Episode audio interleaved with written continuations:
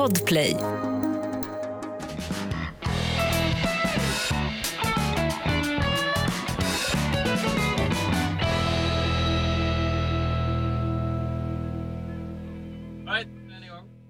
Den är igång, skriker Oj de. jävlar, jag har eh, lite för hög lyssning här. Mm. Hur Ja, tror du att våra lyssnare känner sig, Jag känner mig Hans? som en... Ah. Kan vi dra ner, inte papperstrosorna på Hans, men dra ner Hans medhörning i hörlurarna? Nej, nu hör jag inte mig själv, nu hör jag bara Jonas jättehögt. Vad skönt Hans. Eh, en, själva antitesen mot den här framgångssagan. Det här är podden Inaktuellt. Jonas, Ja, ja, det, ja, det är där skon klämmer. Nu fast det här ska alltså inte klippas bort. Vi ska inte ha någon omskärelse på det här. det här ska, allt ska med. Råmaterial, den här torftigheten som råder i den här Mm. för övrigt ganska professionella studion. Här sitter ju DN-podden, här sitter ju Hasse Aar, här sitter ju Alex och Fredrik och Sigge och Piff och Puff. Vad heter Piff och Puff och Chuck? Alla möter, Mm. Filip och Filip, ja. Alla möter Oldsberg-Fredrik. Va? Han. Eh, Det är bråda tider. Vi fick just ett mycket, mycket dystert besked. Mm. Hans ställer eventuellt in våran öl och Fernet-lunch på Tennstopet. Du är nämligen hundvakt den här veckan Hans. Mm. Men nu är det som så här att eh, Tennstopet har ju en, eh, det finns en nyare version av Tennstopet som heter Tennstopet Grill som ligger precis vägg i vägg med det klassiska Tennstopet där vi brukar sända podden ifrån.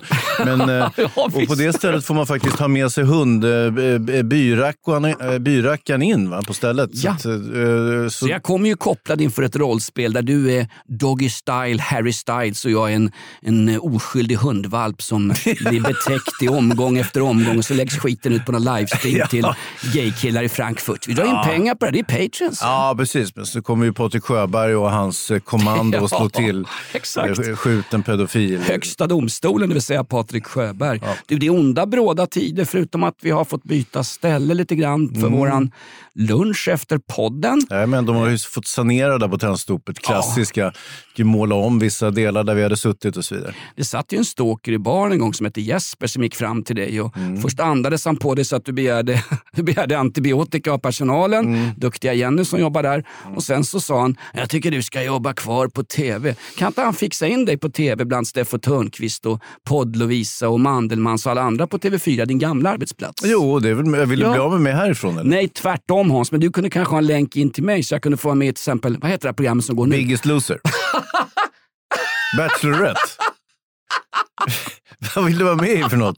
Jag fixar. Jag vill vara med i uppföljaren till det här Elitstyrkans hemligheter där privatpersoner lålar runt på stenar, gnäller och skriker och så står det befäl och skäller ut dem för att det ska bli bra TV i Vilka TV4. onda människor. Jag vill vara med i skitstyrkans hemligheter. Malajer som får kämpa om att komma så fort ut ur den här hemliga attackstyrkan som möjligt. Elitstyrkans hemligheter på... Nej vänta, förlåt mig. Det är ju förbanne med SVT2. Det är ju sånt som public service-tv ska ägna sig åt. Inte granskande journalistik. Det är ju Sorsan Sorsan-program där privatpersoner hetsas mot varandra. Ungefär som i den här podden Inaktuellt. Ja, där vi hetsar mot varandra. Fast egentligen, egentligen Jag vi hetsar mot Lindskov. Ja, vi har inget otalt med varandra, utan det är ju Lindskov, firma Lindskov Bergman, det vill säga våra producenter. Som, men jag vet inte hur det blir med Elitstyrkans hemlighet nu. De här killarna som sköter det här programmet, de är på väg till Ukraina nu. Nu vill man ju ha utländska militärer på plats, så kallade legoknektar eller ska jag säga, krigsresenärer. Det som tidigare hette terrorresenärer. Va? Eh, Men då åker man till ett mer sanktionerat krig och gör ungefär samma sak som, som kurder och andra som åkte ner till Syrien. Ja, vi ska inte glömma faktiskt, mitt under denna krigspropå. Vänta, vi ska, det här ska kosta lite stimpengar för eh, just Lindskov förresten. Svensk musik som man får betala för. Det här är om svenska soldater i utländsk sold på utländsk mark. Främmande mark där de strida tills de stupa. Krig och död,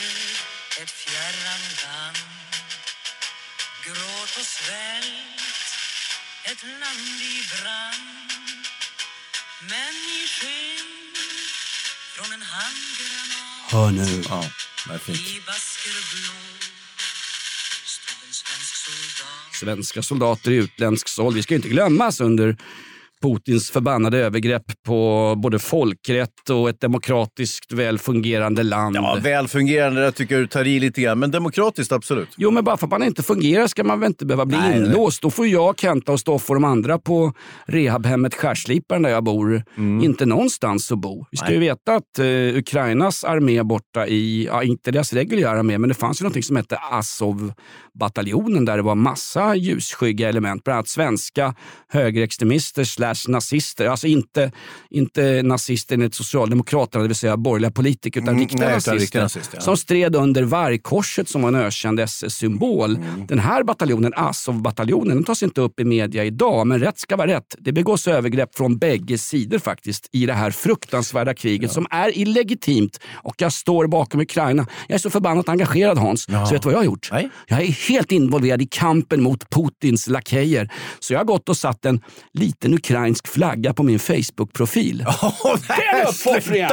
Det är ju inte Nej, men Jonas, vilket ställningstagande. Ja, visst. Ja. Jag är trött på att vara könsneutral jävla hbtq-tomt i svennebananlandet Ja, men där det- allting blir oviktigt förutom Mello. Men nu, nu är det förbanne mig på riktigt. Nu diskuterar vi inte könsneutrala Nej, nej, nej. skyddsrum och heteronormativa toaletter på Södertörn. Nu är det förbanne mig krig! Men då tycker jag kanske att du hade ju en jättestor regnbågsflagga på din Facebook-profil förut Ja. och sen hade du Black Lives Matter, ett stort jävla svart hål rakt över alltihopa.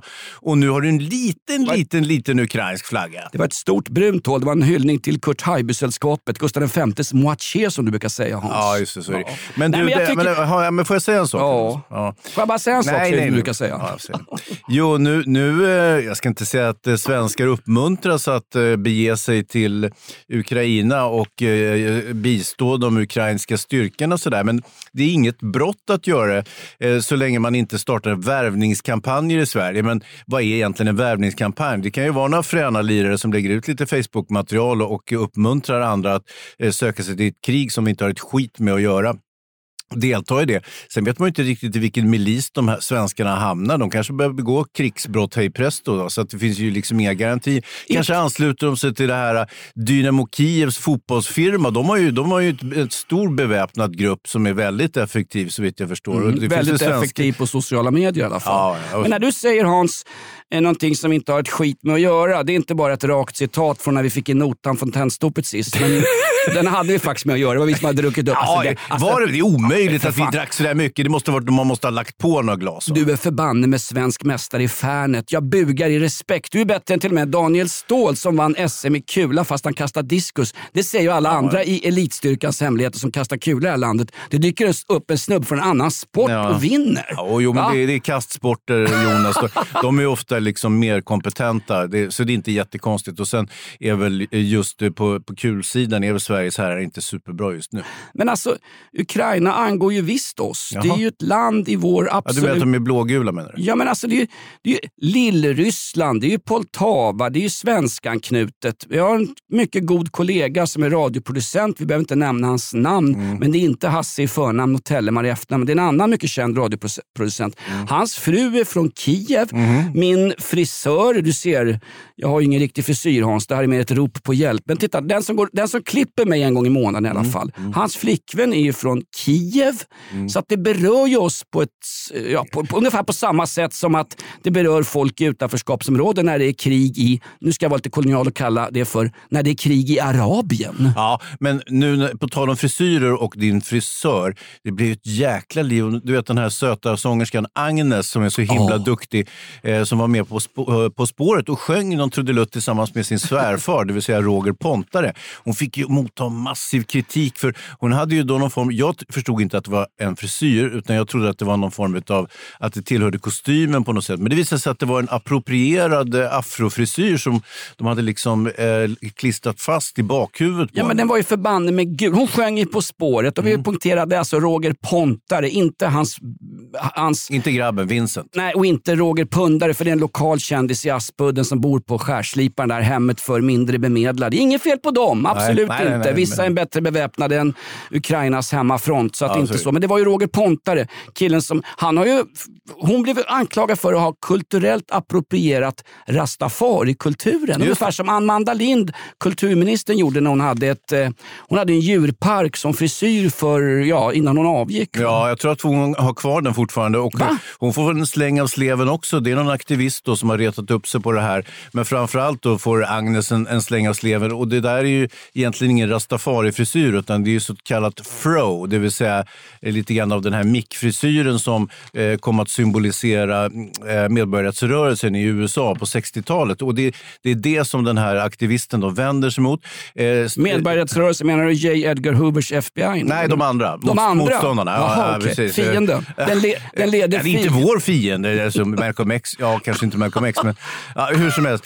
Så att, eh, jo, hon fick ju, stackars Agnes fick ju be lägga sig på sina bara skurknän och be, be eh, Afrosvenskarnas förbund om ursäkt för att hon hade varit så fräck. Och, eh, sen så kan jag tycka att en sån här frisyr ska man ju be om ursäkt för. Det handlar inte om appropriering, utan frisyren var ju så, det såg inte ut som en frisyr. Det handlar om ren estetik. Ja, jag skulle säga det. Och jag menar, jag själv eh, hade ju eh, hade en frisyr som du, precis som du brukar säga, ett rop på hjälp blandat med alltså, eh, rent sabotage. Och den fick jag motstå mycket välförtjänt kritik för också.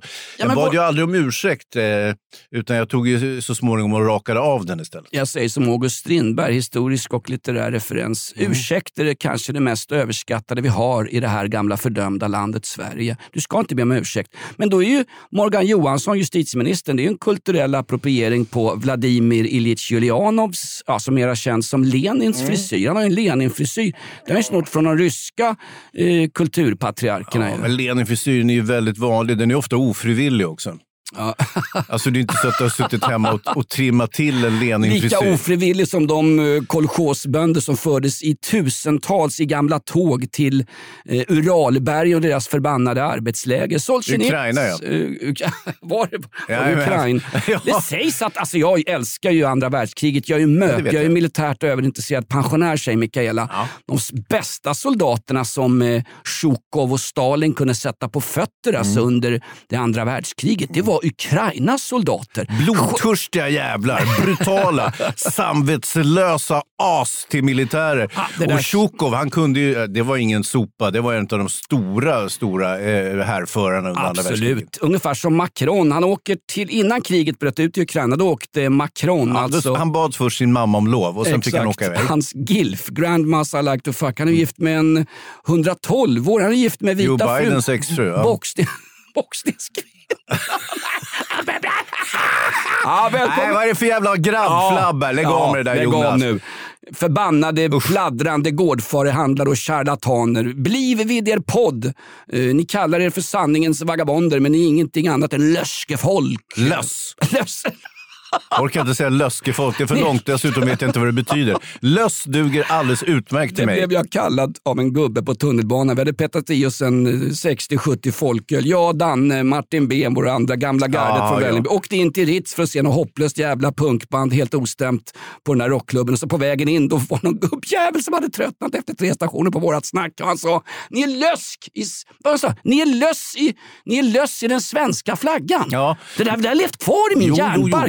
Försöker få bort skiten med Zoloft och Atarax. Det där lever kvar. Ja, jag jag löss i den svenska fanan. Ja, men det skulle inte, ni hade ju liksom eh, stålhättade boverboots och uppkavlade jeans och hängslen och Fred Perry-tröjor på er och inte mycket till hår heller på huvudet. Det får du ju förstå själv att folk blir irriterade. Vi var traditionella skins. Vi var helt opolitiska. På den tiden röstade jag på KDS och Alf Svensson för han var så jävla snygg i badbyxor som min Ja, gamla bra. morsa sa. Ja, han vek ju ut sig ett tag i Hänt i veckan. Det skulle ja. Ebba Busch gjort på verandan uppe i Esbjörns, det här uthus som snodde från den här glade folkpensionären. Han som var senilbent i fyra olika omgångar. Han var ju så förbannat dement så han kunde, ju, ju han kunde ju gå, suttit i riksdagen för Liberalerna. Ja, det kunde han, men det kom i skov för honom. För han, han var ju väldigt redig ibland när det handlade om pengarna, men sen när det var att skriva på papper så var han ju jättesnurrig.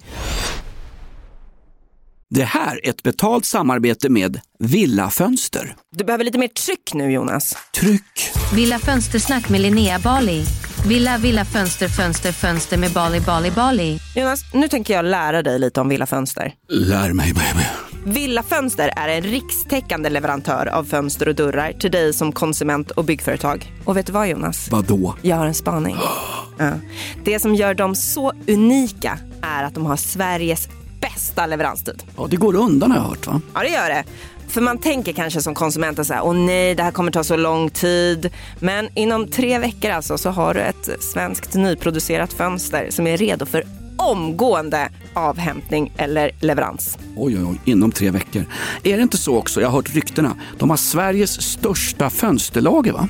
Ja, med 500 olika varianter av fönster. Och eftersom de allra flesta av oss vill ha olika storlekar på fönster så kan Villa Fönster dessutom göra anpassningar såsom spröjs, spaltventil med mera. Oj, oj, oj Linnea, du övertygar här. Du vet inte vad en persedel är för någonting, men spröjs och spaltventiler. Här har jag nästan läst på universitetet om det här. Ja, och är det någon som har koll så är det Villa Fönster. Historisk referens här.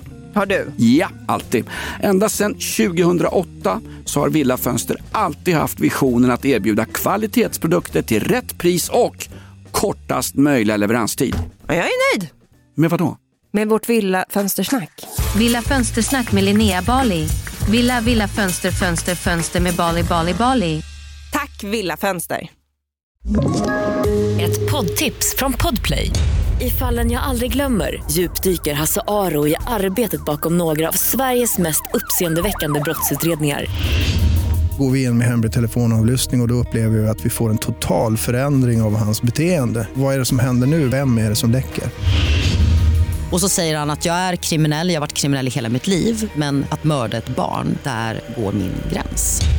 Nya säsongen av Fallen jag aldrig glömmer på Podplay.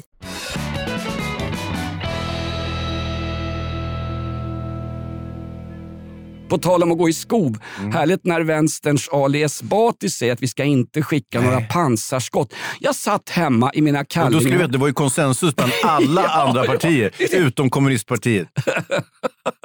Kommunistpartiet också, det är en kulturell appropriering från Vladimir Ilyich Uljanov och Trotskijs hemmabygge när de totalt förvanskade Karl Marx fina Det kommunistiska manifestet. Va? Det är ju inte... Fortsätt med, Oh. vad sa vänstertomten? Ja, men Ali- han, vill, han vill inte skänka vapen till Ja, men Ukraina. Ali Esbati, vi ska vara väldigt noga med vilka vi exporterar vapen till. Jo, men det är vi ju. Men nu är faktiskt Ukraina ett fritt demokratiskt land och de är påhoppade av en stor rysk björn likt en bakisprutt. Och jag satt ju faktiskt hemma, eller jag ska säga som det är Hans.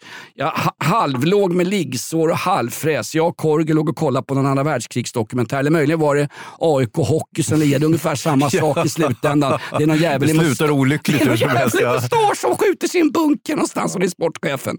Nej, men vi satt och tittade på tv och då skulle det visa sig att Sverige ska exportera 5000 pansarskott Mm. bland en massa andra saker. Begagnade munskydd, skrapade trisslotter och eh, Hockeyhjälmar va? vab, vab-fuskblanketter. Det är otroligt vanligt i Sverige. Mm. finns ju inte ens i Ukraina. Nej, men det var någon amerikansk, vad hette han, Foggen eller något sånt där. En gammal pensionerad militär som stod med hållningsgymnastiken i bakhuvudet, sträckt och fin och sa eh, These extremely efficient Scandinavian javelins eh, They caused, they cast havoc in both Syria and Iraq. Vi ska ju exportera 5000 pansarskott nu till ukrainska Ja, hemmafronten. men är det och det, det är inte den, det, du var inne på det i veckan Hans, i radion. Fick ju massa skit för det. om Gamla hemvärnsmän och Lottakåren hörde av sig. och Mm. att det var någon- inte var pansarskott Ah, 86 och någon inte pans- robot 57. Exakt, det var någon pansarluggad flata som läxade uppåt. Det är alltså inte R57 vi exporterar utan det är någonting som kallas för 86an. Mm. Och 86an Hans, röret tillverkas fortfarande i Eskilstuna. Monteringen sker på Bofors eh, i Karlskoga, så det är oerhört svenskt. Och 86an har använts var någonstans? Ja, det- alltså den eh, har ju skjutit folk i småbitar i stort sett över hela världen. det Används i här härliga. arslet på Gardell också. Nej, det gör det faktiskt inte. Men, men däremot så är det, det är ett eminent vapen. Det är alltså ett plaströr Ja. mer eller mindre som inte väger någonting att springa runt med. Så kan du dra iväg ett, ett pansarbrytande skott så, du, så att du kan välta en stridsvagn med.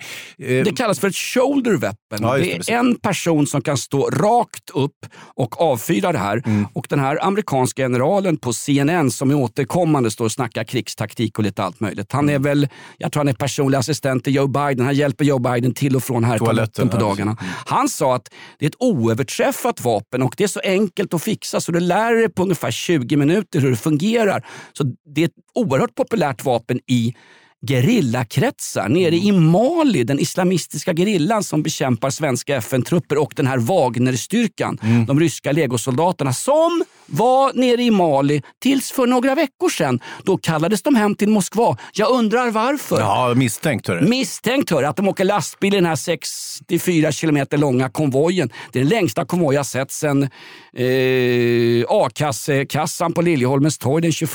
hörru. Mm. Otroligt. Men vi ska veta att det här svenska eh, det här svenska pansarskottet, 86an som vi säger i Sverige, Mm, eh, kallas utomlands för AT4, AT4. Det är en blinkning till svenska granatgeväret Carl Gustaf som har en, en kaliber på 84 mm. Va? Precis. CG. CG, där har du den! Ja. Efter Carl Gustaf Lindstedt och kasinogänget. Ja. De skrattar ihjäl folk. Nej, men, men eh, CG, väldigt pålitligt vapen. Det som är lite intressant nu, om vi nu skeppar iväg 5000 av, av de här eh, pansarbrytande kanonskotten eh, eh, till Ukraina. Samtidigt så kommer vi nu få 150 000, glada, inte glada, men f- 150 000 flyktingar, cirkus, som kommer att landa i Sverige så småningom. Men vi skulle säga Troligtvis nej, är det sa Magda. Nej, nej, nej, nej, nu har vi ändrat oss. Nu, nu, nu är det öppna hjärtat igen här, för det här Ja. är nämligen ukrainare och inte folk från eh, andra sämre länder som, som inte ligger tillräckligt nära Sverige. Det är ju lite annat ljud i skällan.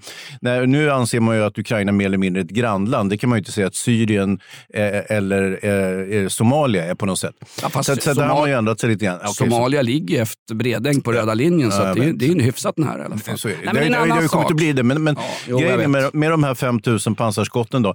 Eh, nu, nu delas ju de ut i kreti och pleti utan någon som helst ordning vad jag förstår. Alla i Ukraina som vill skjuta får ett vapen eh, oavsett bildning eller eventuell bakgrund. Så att, tänk om vi 150 000 ukrainare slår sig ner i Sverige på flyktingförläggningar som Bert Karlsson kommer att tjäna pengar på. Han ska öppna vara- Stora Ekeberga igen Ja, ju, precis. för 4 000 platser. Ja. Vem reagerar mot... Det är väl, man får ju inte ha vinstdrivande företag det- i välfärden, men i, i migrationen där får det vara hur vinstdrivande som helst. Han ska ta 2 000 spänn per natt. Ja. Eh, eh, den gode, inte Ebbe Karlsson, Bert Karlsson, hans halvbror. Ja, allt, eh, migrationen är ju det som omsätter mest pengar i hela världen. Mycket mer än till exempel vapen och knark. Både, både eh, flyktingsmuggling och legal så att säga, flyktingmottagande. Eller, eh, eh, sådär. Så att, men, Omsätter men, det mer än porren jag Ja. sitter och drar en handjagad gräsklippare till på helgerna? Ja, de tror det, de som Va? kan räkna på sånt här. Eh, eller också om det var jag som räknade på det, jag kommer inte ihåg. Men, men hur som helst. jag kan inte De räkna på Nej, händerna för att händerna är upptagna. Jag är fortfarande orolig för de här 5000 pansarskotten som nu hamnar i ukrainsk ägo. Troligtvis, och eh, rätta mig om jag har fel nu, kommer de att dyka upp i våra så kallade utfor, utanförskapsområden. Ungefär som alla vapen från Balkan har gjort genom eh, de senaste 40 åren. Så nu kommer vi ha de här pansarskotten i Rinkeby. Kan ju föreställa dig vad som kommer hända då när de börjar panga de här på varann. Jag, jag kan föreställa mig att Jan Guillou skriver en krönika om att det alltid skjutits med pansarskott ända sedan 1950-talet och de första Åsa-Nisse-filmerna. Så det är inget nytt under solen. Nej. Artikeln kommer också i Aftonbladet vara signerad av Jerzy Sarnecki från Brottsförnekande rådet. Ja, men så kul. Guillou har ju varit märkvärdigt tyst under, den här, under det här anfallskriget. Ja, först tappade han förståndet, sen har han varit helt, hållit käften. Han är väl gammal KGB-sympatisör. Han kallar sig själv vänsterextremist, men han är väl också han är väl en stor Rysslandsvän, va? förutom att han gillar då, eh, eh, eh, islamister och eh, ryssar. Det är väl hans huvud... Liksom, det, Han det är de väl- goda, va? Han hade väl halkat i badkaret. Han kunde inte fatta att en socialdemokratisk regering gör 80 runt svenska vapenexportlagen och per definition exporterar vapen till en krigshärjad zon. Ja. Det ska vi ju inte göra. Vi gjorde det visserligen på 80-talet när Bofors smugglade ner en massa vapen till Kroatiens kust som sen lastades om i Kroatiens hamn och skeppades till Iran, Teheran för kampen mot Irak och Saddam Hussein. Det Det, var ju- jävligt ja. bra. Den där gamla mullen som tog emot vapnen, han sitter väl säkert i Biskopsgården nu och beställer pizza på dagarna. Ja, Va? men- Det har ju skett förut, men det har ju varit hemligt. Boforsgänget fick ju avgå i parti och minut när det uppdagades. Men nu rundar vi vapenexportlagen. Vad är det som har hänt med Sverige? Vi står ju för fan upp för någonting. Vi hjälper folk i nöd på riktigt. Mm. Vi har slutat utreda i folkhemmet. Vi går till anfall, vi går till attack. Jag har fan gått och blivit sosse sista veckan. Ja, men alltså, det här är verkligen ett Ja. fall framåt. Nu tycker jag man kan fortsätta eh, exportera vapen till alla som vill ha. I synnerhet krigförande länder. Det är meningslöst att skicka vapen till, till, till länder som inte håller på med krig. Då kommer det ju inte vara någon omsättning på dem så att säga. Ju- Om ju- Putin får hålla på en stund så kommer alla länder hålla på med krig. Det är ju World War 3 nu. Inte ens Elon Musk på planeten Mars där han sitter och har presskonferens med Thomas Di Leva om någon snurrig new age-filosofi kommer klara sig. Alla dras in i den här skiten. Ja, det här är som... Det är Ja, som, det är det är som, det är som Vet du vad? Som torrdasset på Mikaelas lantställe. Allting hamnar som en klump i botten. Det är farliga tider, Wiklund. Ja, men, men det, det är det onekligen. Ett land som vi troligtvis inte kommer att exportera vapen till, det är väl kanske Ryssland då. Ryssland har ju på något vis, både Putin och Ryssland har ju blivit verkligen, de har ju blivit cancelled. Ni vet den här cancel-kulturen. Jag tror ingen har blivit så mycket cancelled som Putin sen Paolo Roberto efter det här olycksaliga sexköpet på Riddargatan då man brände hans böcker och hällde ut hans pastasås. Nu gör de samma det sak med först- Putin. Det var första gången han gick till en hytant, Paolo Roberto. Det är står första gången som och- Putin gör, eh, ger sig på ett fredligt gr- grannland också. Nu har han ju blivit Fifa till och med och Uefa och, och eh, internationella hockeyförbundet. Alla vill ju bli av med ryssarna nu. Och dessutom så fick han ju Putin då sparken från internationella judoförbundet. Han har ju haft en hög position i styrelsen eh, såsom varande en, en stor judoka. Eh, Jag har ju sett när han kör sin judo. Det är ju bara skit. Han är ju helt värdelös. Han är ju sämre än prins Bertil var på bull skulle jag säga. Eller Gustav V på tennis. Ja, fast Gustav V på smågrabbar, där var det... Du, där var det där spel, nej, nej, han spelade dubbel med racket upp till. Ja, jajamän, jajamän. Oj, oj, oj. det är ingen, ingen skugga över Han- Gustav V. Vi har aldrig nämnt honom.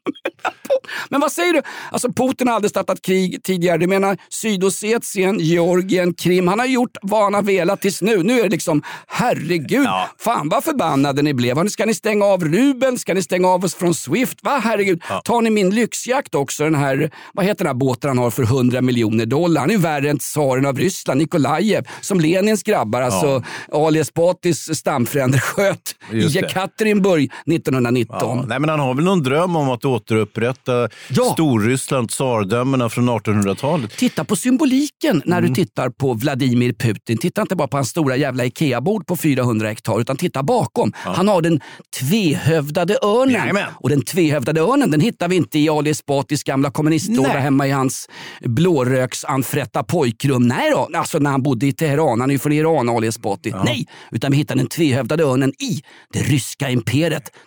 Imperiet. Tsaren, han blickar både mot väst och mot öst och han är rysk-ortodox. Han är också kristen. Eh, Han bekänner sig till den kristna rysk-ortodoxa tron, Mm. Vladimir Putin. Det trodde man fan inte när han ramlar runt ungefär lika lång som Leif Pagrotsky på en judomatta. Nej, och dessutom påminner ju den, den här symbolen, den här skölden, eh, den tvehövdade skölden, påminner ganska mycket om, eh, om du har läst eh, Tintin, eh, eh, Tintin-albumet som handlar om Bordurien och Suldavien. De har ju också, när de berättar sin i- lands historia där, där finns gott om, om eh, referenser till just den typen av ryskhet. Just det. Eh, Den hette Det hemliga vapnet. Ja, visade, det sig vapnet. visade sig vara eh, pansarskott ifrån Bofors som nu ska göra succé nere. Tror du att vad vi kommer kunna tjäna pengar på de där pansarskotten bror. Herregud, vi kan dra oss tillbaka nu. Absolut. Hans, du förresten råkade ut för eh, vanlig hygglig svensk kriminalitet på gatan. Du var ute och rastade din kamphund. Och då menar jag inte din fantastiska hustru Emma Wiklund, utan du har ju en, en riktig kamphund som du rastar på gator och torg. Och det här var sent en lördagkväll. Det får du berätta. Det var ett drama mitt i verkligheten. Det är för fan som Hasse Aros efterlyst utan GV i jaktväst. Ja, lite. Alltså jag kommer ut på gatan i, i godan ro med vovven och eh, plötsligt ser jag några, eh, de som i tidningarna kallas för ungdomar, så kanske du kan gissa vad det var för ena. Alla som är yngre än oss. Ja, exakt. 45 bast. Ja, vilket- precis, bra, bra analys.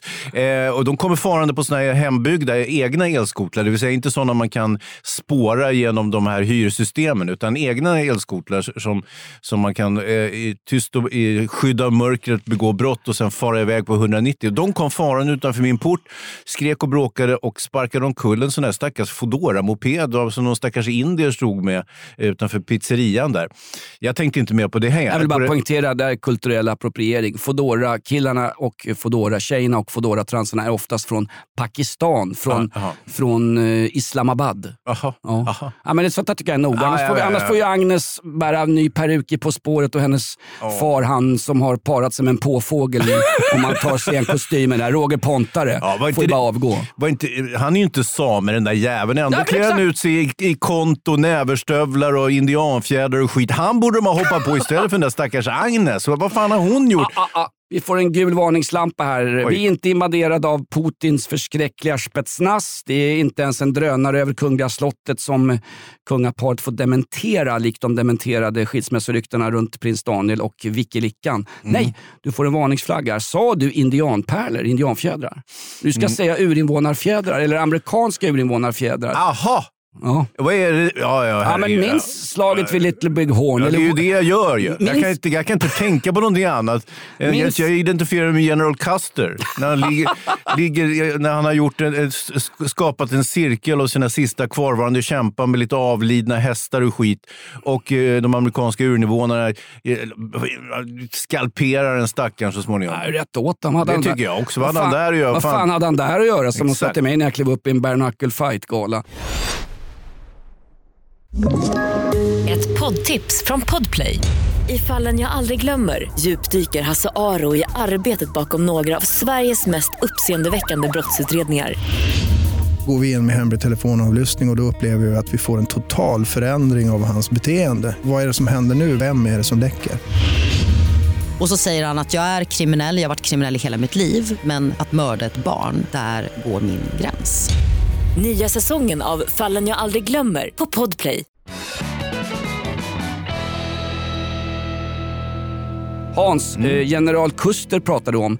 Vad hände med general Kluster, Anders Tegnell? Det är inte ett ord om den här förbannade pandemin nu. Allt fokus, både i den här podden och i andra tjosan tjosan-poddar, Sigrid Combüchens författarpodd bland annat, de pratar ju bara om Ukraina och rysspacket. Ja, det stämmer, men nu kommer ju faktiskt den här så kallade eh, haverikommissionens rapport, Ja, den sista Den kom ju inlagan. lämpligt. Va? Ja, den hamnade mitt i korselden kan man väl säga. Och eh, det var på hela taget så sa man att Sverige gjort ett riktigt uselt jobb, men det kunde ha varit betydligt värre.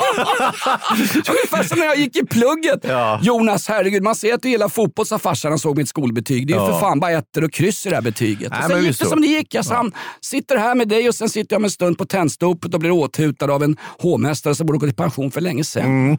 Men, men, men så är det ju liksom och eh, det, det, får man väl acceptera att det bara är på det sättet. Men när jag kom ut från porten i alla fall och eh, jag ska inte säga att jag överfölls av de här ligisterna på sparkhjulingar utan de for förbi bara och Hur många var ställde de? till kanske var en eller två.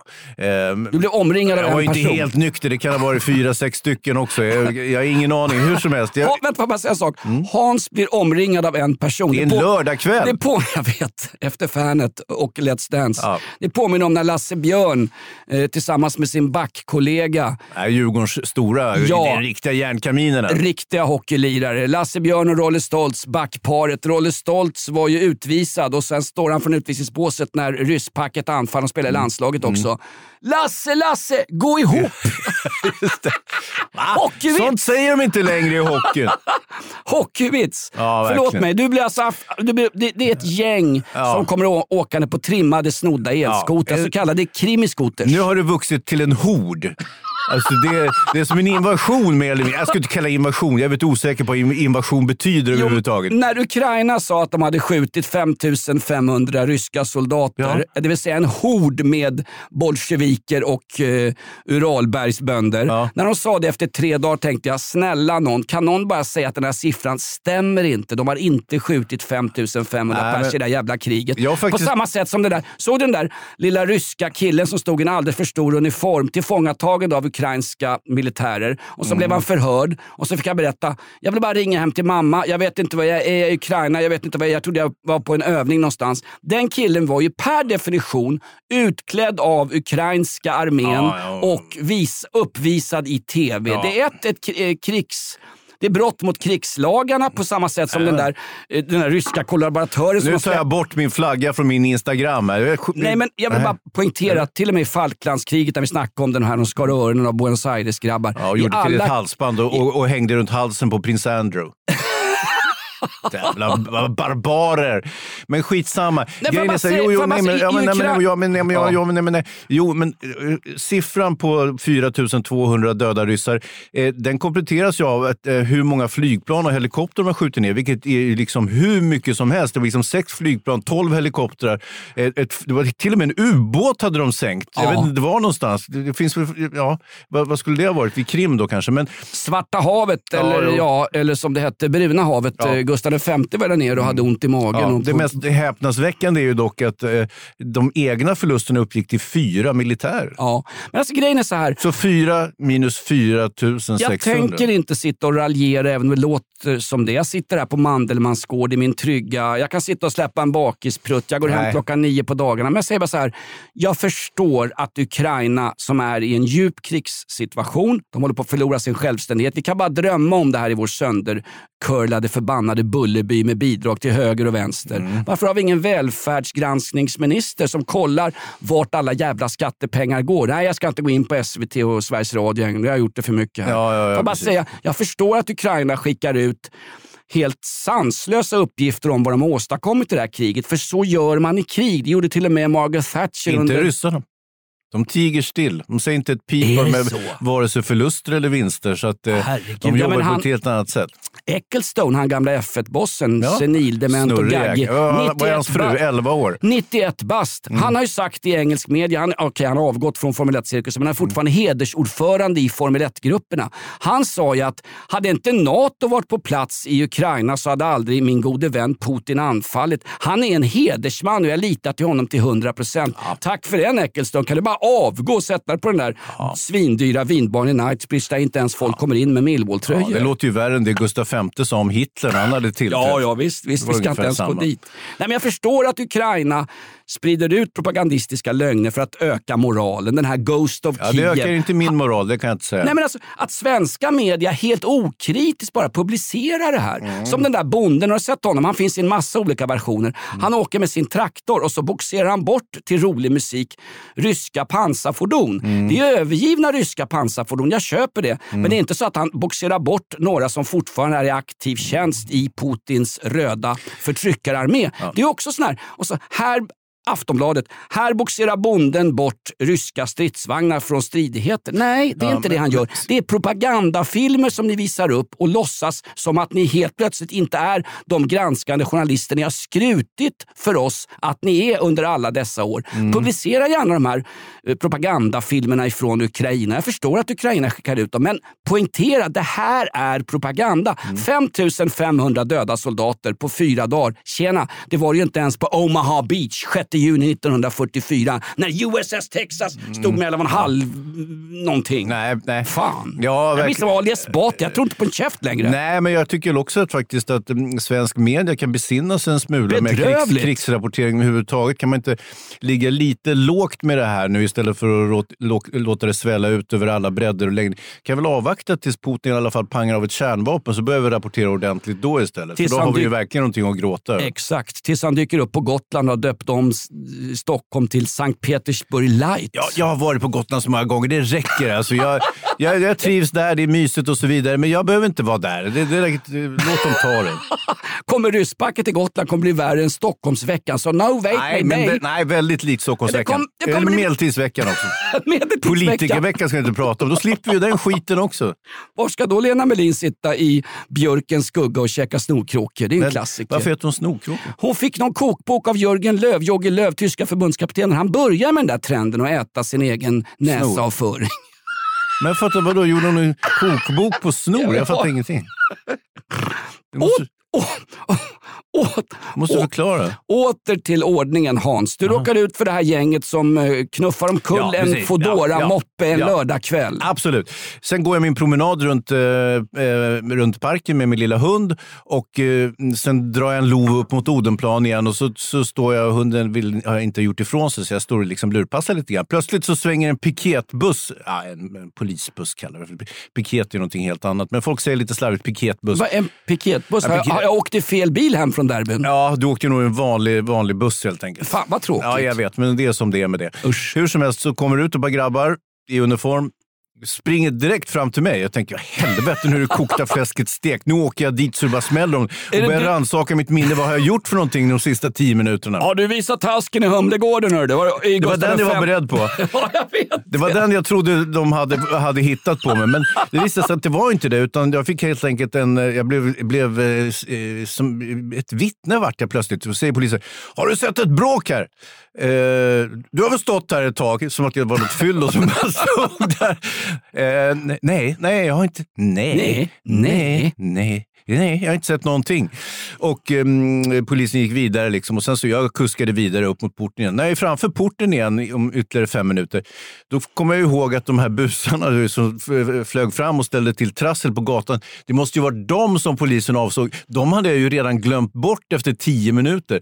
Det är vad man kallar för ett shit witness och ett vittne som är... Så där är det med vittnen. Det ska alla ni veta som, som tycker det verkar så lätt med vittnen hit och dit. Du är sämre att ha att göra med en Skandiaman än en eventuell Palmerättegång. Du ändrar, ju, du ändrar ju utsagan till ditt vittnesmål allt eftersom du pratar och bygger egna satser och meningar. Jag skulle säga att Lisbeth Palme var ett stjärnvittne i jämförelse med mig. Hur jävla dålig kan man bli?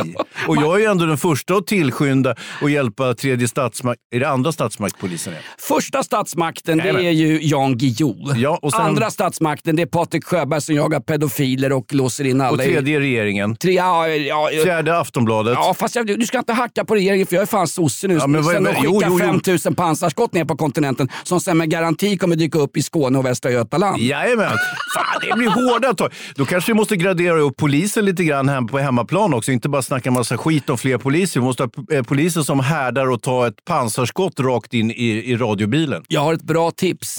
Mm. Eh, gräv i den gamla skolan bland noshörningarna i den gamla tunnelbanepolisen. Jag vill ha fler poliser som Palmon Harald Hult. Mm. Tuffingen som med sabel gick till attack mot oliktänkande Ja, i fantastiska Bo Widerbergs Ja, Mannen på taket. Den bästa film som har gjorts i det här landet Mm. sen Falukorven dök upp som, eh, i en biroll i ja, klassiska... Vad, vad dök den upp?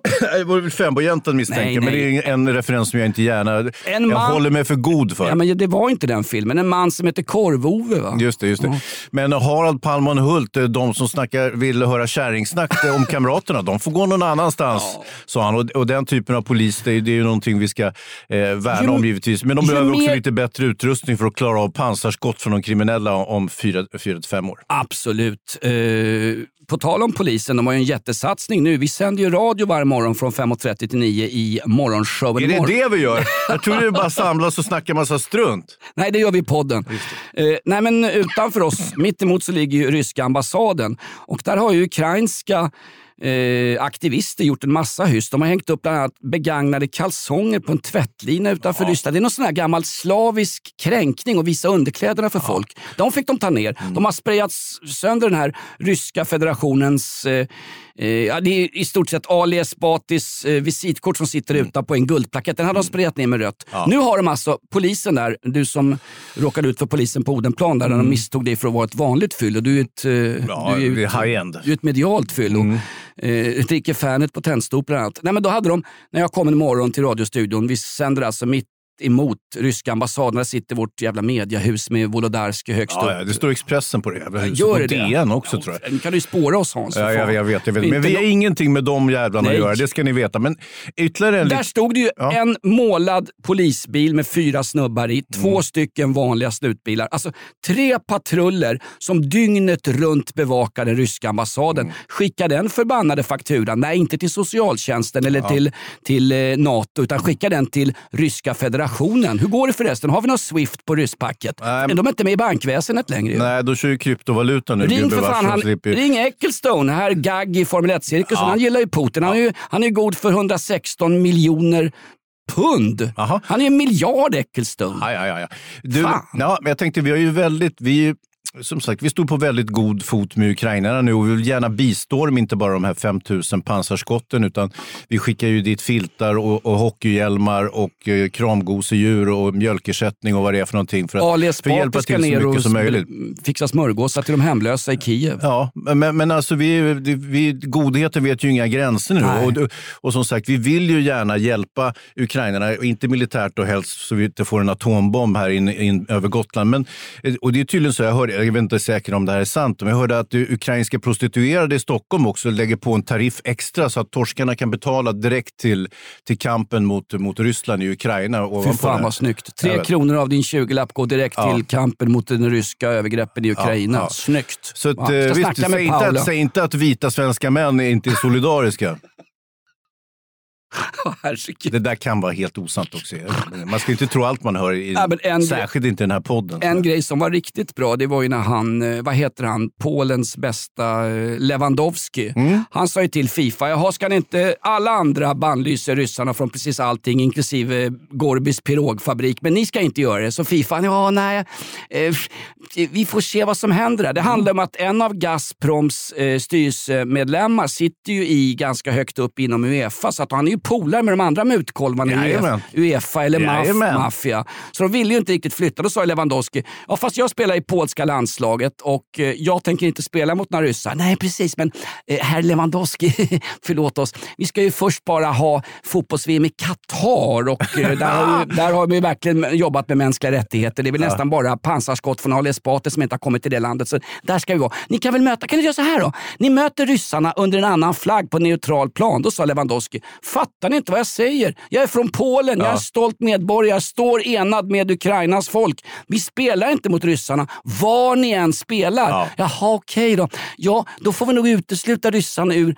eh, samtliga turneringar, både klubblag och landslag. Och till och med Karl-Erik Nilsson från Svenska Tomteverkstan, förlåt mig, Svenska fotbollsförbundet, han tyckte det var ett, ett, ett mycket klokt Ja, ett beslut. klokt beslut. Ja, absolut. visst. absolut. Men sen är det ju, Polen har ju förändrats väldigt mycket de sista veckorna. Från att ha sparkat folk i ansiktet och ta sig över gränsen till att bulla upp med någon sorts julmarknadsstämning för ukrainarna som kommer. De har aldrig haft så bra i hela sitt liv som vid gränsen till, eh, från Ukraina till Polen. Det är ju som en stor julaftonsbjudning där. Vet- Jag förstår inte vad som har hänt med polackerna. De höll ju så hårt på sina gränser. Du vet att det är på riktigt eh, populistiskt och faktiskt värdefullt och jag kan faktiskt ställa upp på det. När Mm. Cissi Wallin som helt bytt glödlampa i den så kallade socken hemma i huset. Mm.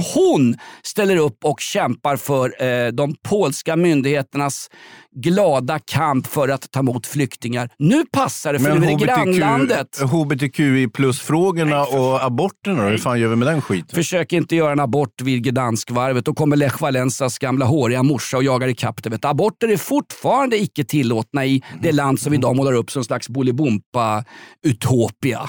Jag säger inte det, men jag säger lika för lika, allas lika värde. Live by the sword, die by the sword. Eller ännu fler Shakespeare och Sigrid Combüchen citat.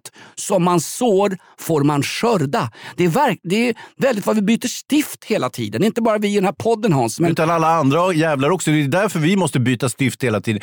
Polsk, polsk flyktingpolitik, Polsk den kan man inte lita på ju. Nej, men ni som lyssnar på det här tycker säkert att herregud, vad är det med de där jävla sluskarna? Vad är det de sitter och babblar om och byter ämne hela tiden? Men det är ju inte vi som byter ämne. Det är ju världen utanför som hela tiden byter skepnad. Så vi måste ju vara på, köra allting på volley och reagera blixtsnabbt som, som spetsnät. Nej, inte spets. Som mm, något annat. Fan också. Eh, Lena Melin i Aftonbladet. För, Jajamän. för de krönikorna, de kommer gå till historien som comedy gold. Ja, men Jan Guillous också. Men han är så jävla senfärdig nu. Han skriver ju en bokstav om, om dagen numera. Så att eh, det kommer ju ta tid innan han reagerar på det här. Han borde avkragas lik biskop Snusk i Gotland, Hans.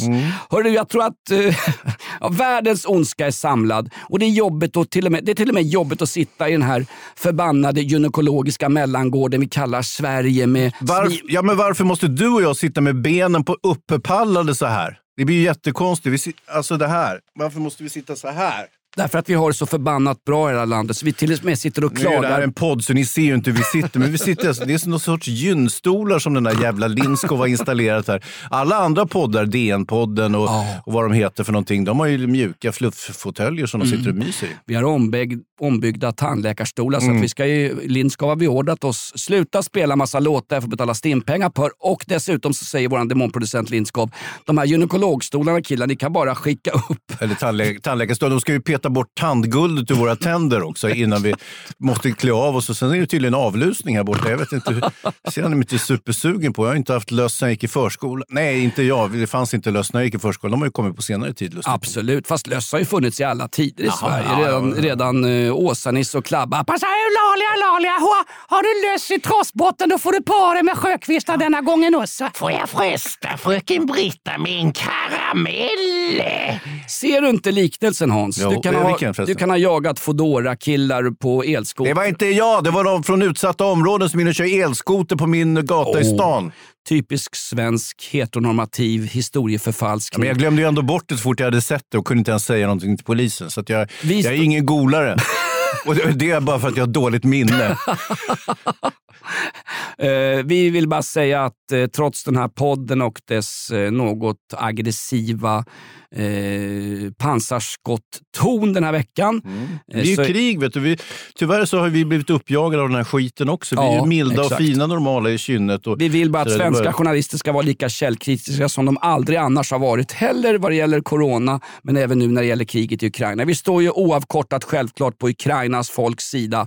Ryssarna har begått och begår ett övergrepp och ett brott emot folkrätten. Jag solidariserar mig med vår socialdemokratiska regering som nu skickar Lovikkavantar, toppluvor och fribiljetter till Let's Dance till Ukrainas hårt plågade folk. Jag vill bara säga, när du härmar Sjökvista nyss, handlaren i, i, eh, i, i Knohult. Ser du inte liknelsen Hans? Nej. Det här är verksimmanent förståelse som min terapeut Peter Berlin babblar Du om. får när inte han- säga hans namn i podden för jag, tusan. jag skiter i honom, nu är det revolution. Det är, Ja, fan, ja, ja. det är fan krig, nu är det andra lagar som gäller. Är det här som metoo? Måste knäcka några ägg för att göra en omelett där. Exakt. Tyvärr var det din pe- terapeut då bland annat. Nej, okej. han, eh, glöm vad han heter, men han pumpar mig full med Atarax och Zoloft. Men det har han ju slutat med. Ser du inte liknelsen? Verksimmanent förståelse Hans. När det psykologiskt är så övertydligt som vi inte ens ser det. Åsa-Nisse, Klabbarpan, det är du och jag.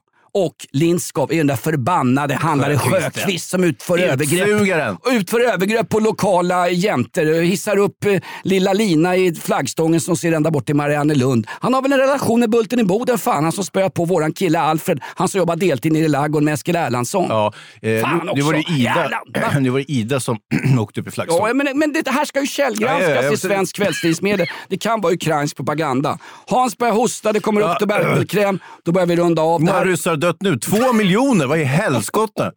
det stod i Svenska Dagbladet, så det är helt sant. Ivar Arpi kan intyga det, fast han fick sparken från tidigare nämnda tidning. Det här är podden Inaktuellt.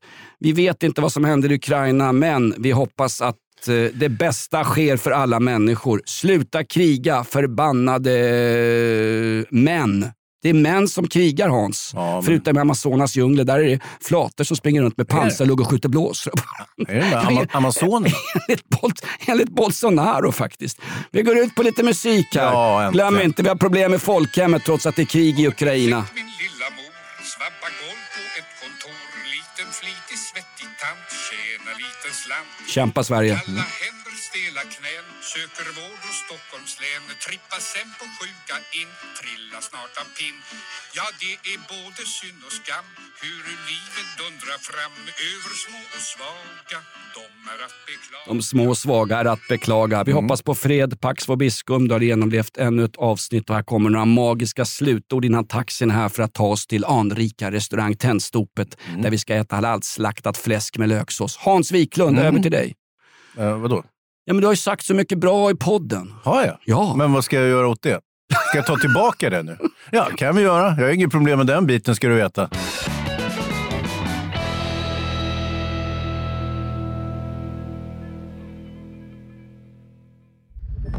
Podplay, en del av Power. Ett poddtips från Podplay. I fallen jag aldrig glömmer djupdyker Hasse Aro i arbetet bakom några av Sveriges mest uppseendeväckande brottsutredningar. Går vi in med hemlig telefonavlyssning och, och då upplever vi att vi får en total förändring av hans beteende. Vad är det som händer nu? Vem är det som läcker? Och så säger han att jag är kriminell, jag har varit kriminell i hela mitt liv men att mörda ett barn, där går min gräns. Nya säsongen av Fallen jag aldrig glömmer på Podplay.